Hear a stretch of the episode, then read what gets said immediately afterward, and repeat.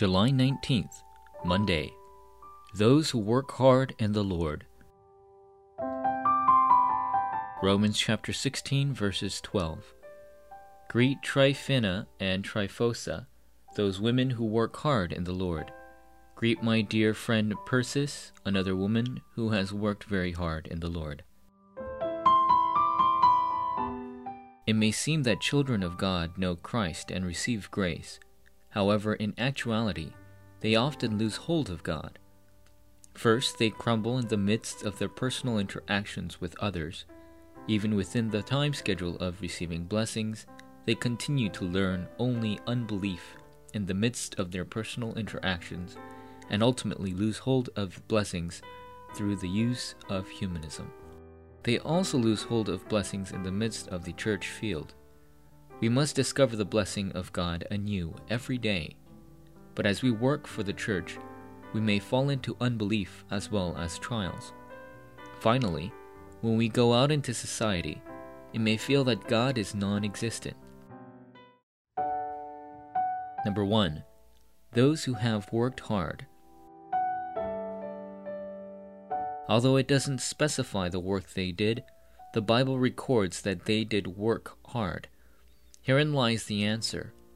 All our work for the Lord is grace and thanksgiving in its entirety. There's no reason for us to know the content. The works we undertake for the church and society are distinctly different. No matter how much work we do for the church, it is not simply to rack up accomplishments, rather, it is grace. The original Greek manuscript of the Bible expresses that they worked hard to the point of exhaustion. It means that they enjoyed the blessings of the gospel to such an extent that they did their absolute best. Our works may seem trivial, but our names will remain eternally because of it. Number 2. Three devotions. In what ways and for what did the early church devote themselves? It is imperative that we understand how the early church was able to receive such answers even without doing much. The early church members devoted themselves for the gospel to become the gospel.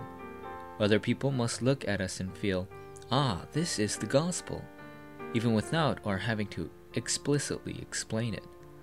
When faced with problems, if we know the truth that Jesus is the Christ, the problems will begin to be resolved. When Christ truly becomes the Christ, and when Christ truly becomes the Lord, the works of God will arise in the field. Additionally, the early church members devoted themselves for evangelism to truly be evangelism. Evangelism is becoming a witness who simply explains what we possess. Finally, the early church had a life staking devotion.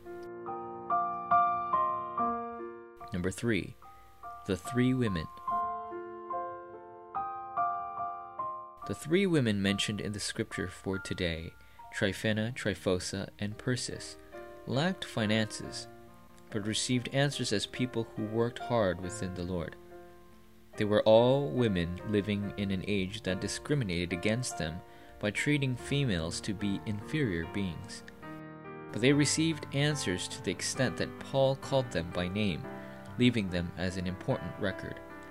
Likewise, if we simply refrain from being deceived in all fields and devote ourselves properly, we will receive answers. Forum topic Are you perhaps complaining about or resenting your given circumstances, situation, or field? If so, meditate from now on upon why and for what purpose God has called you.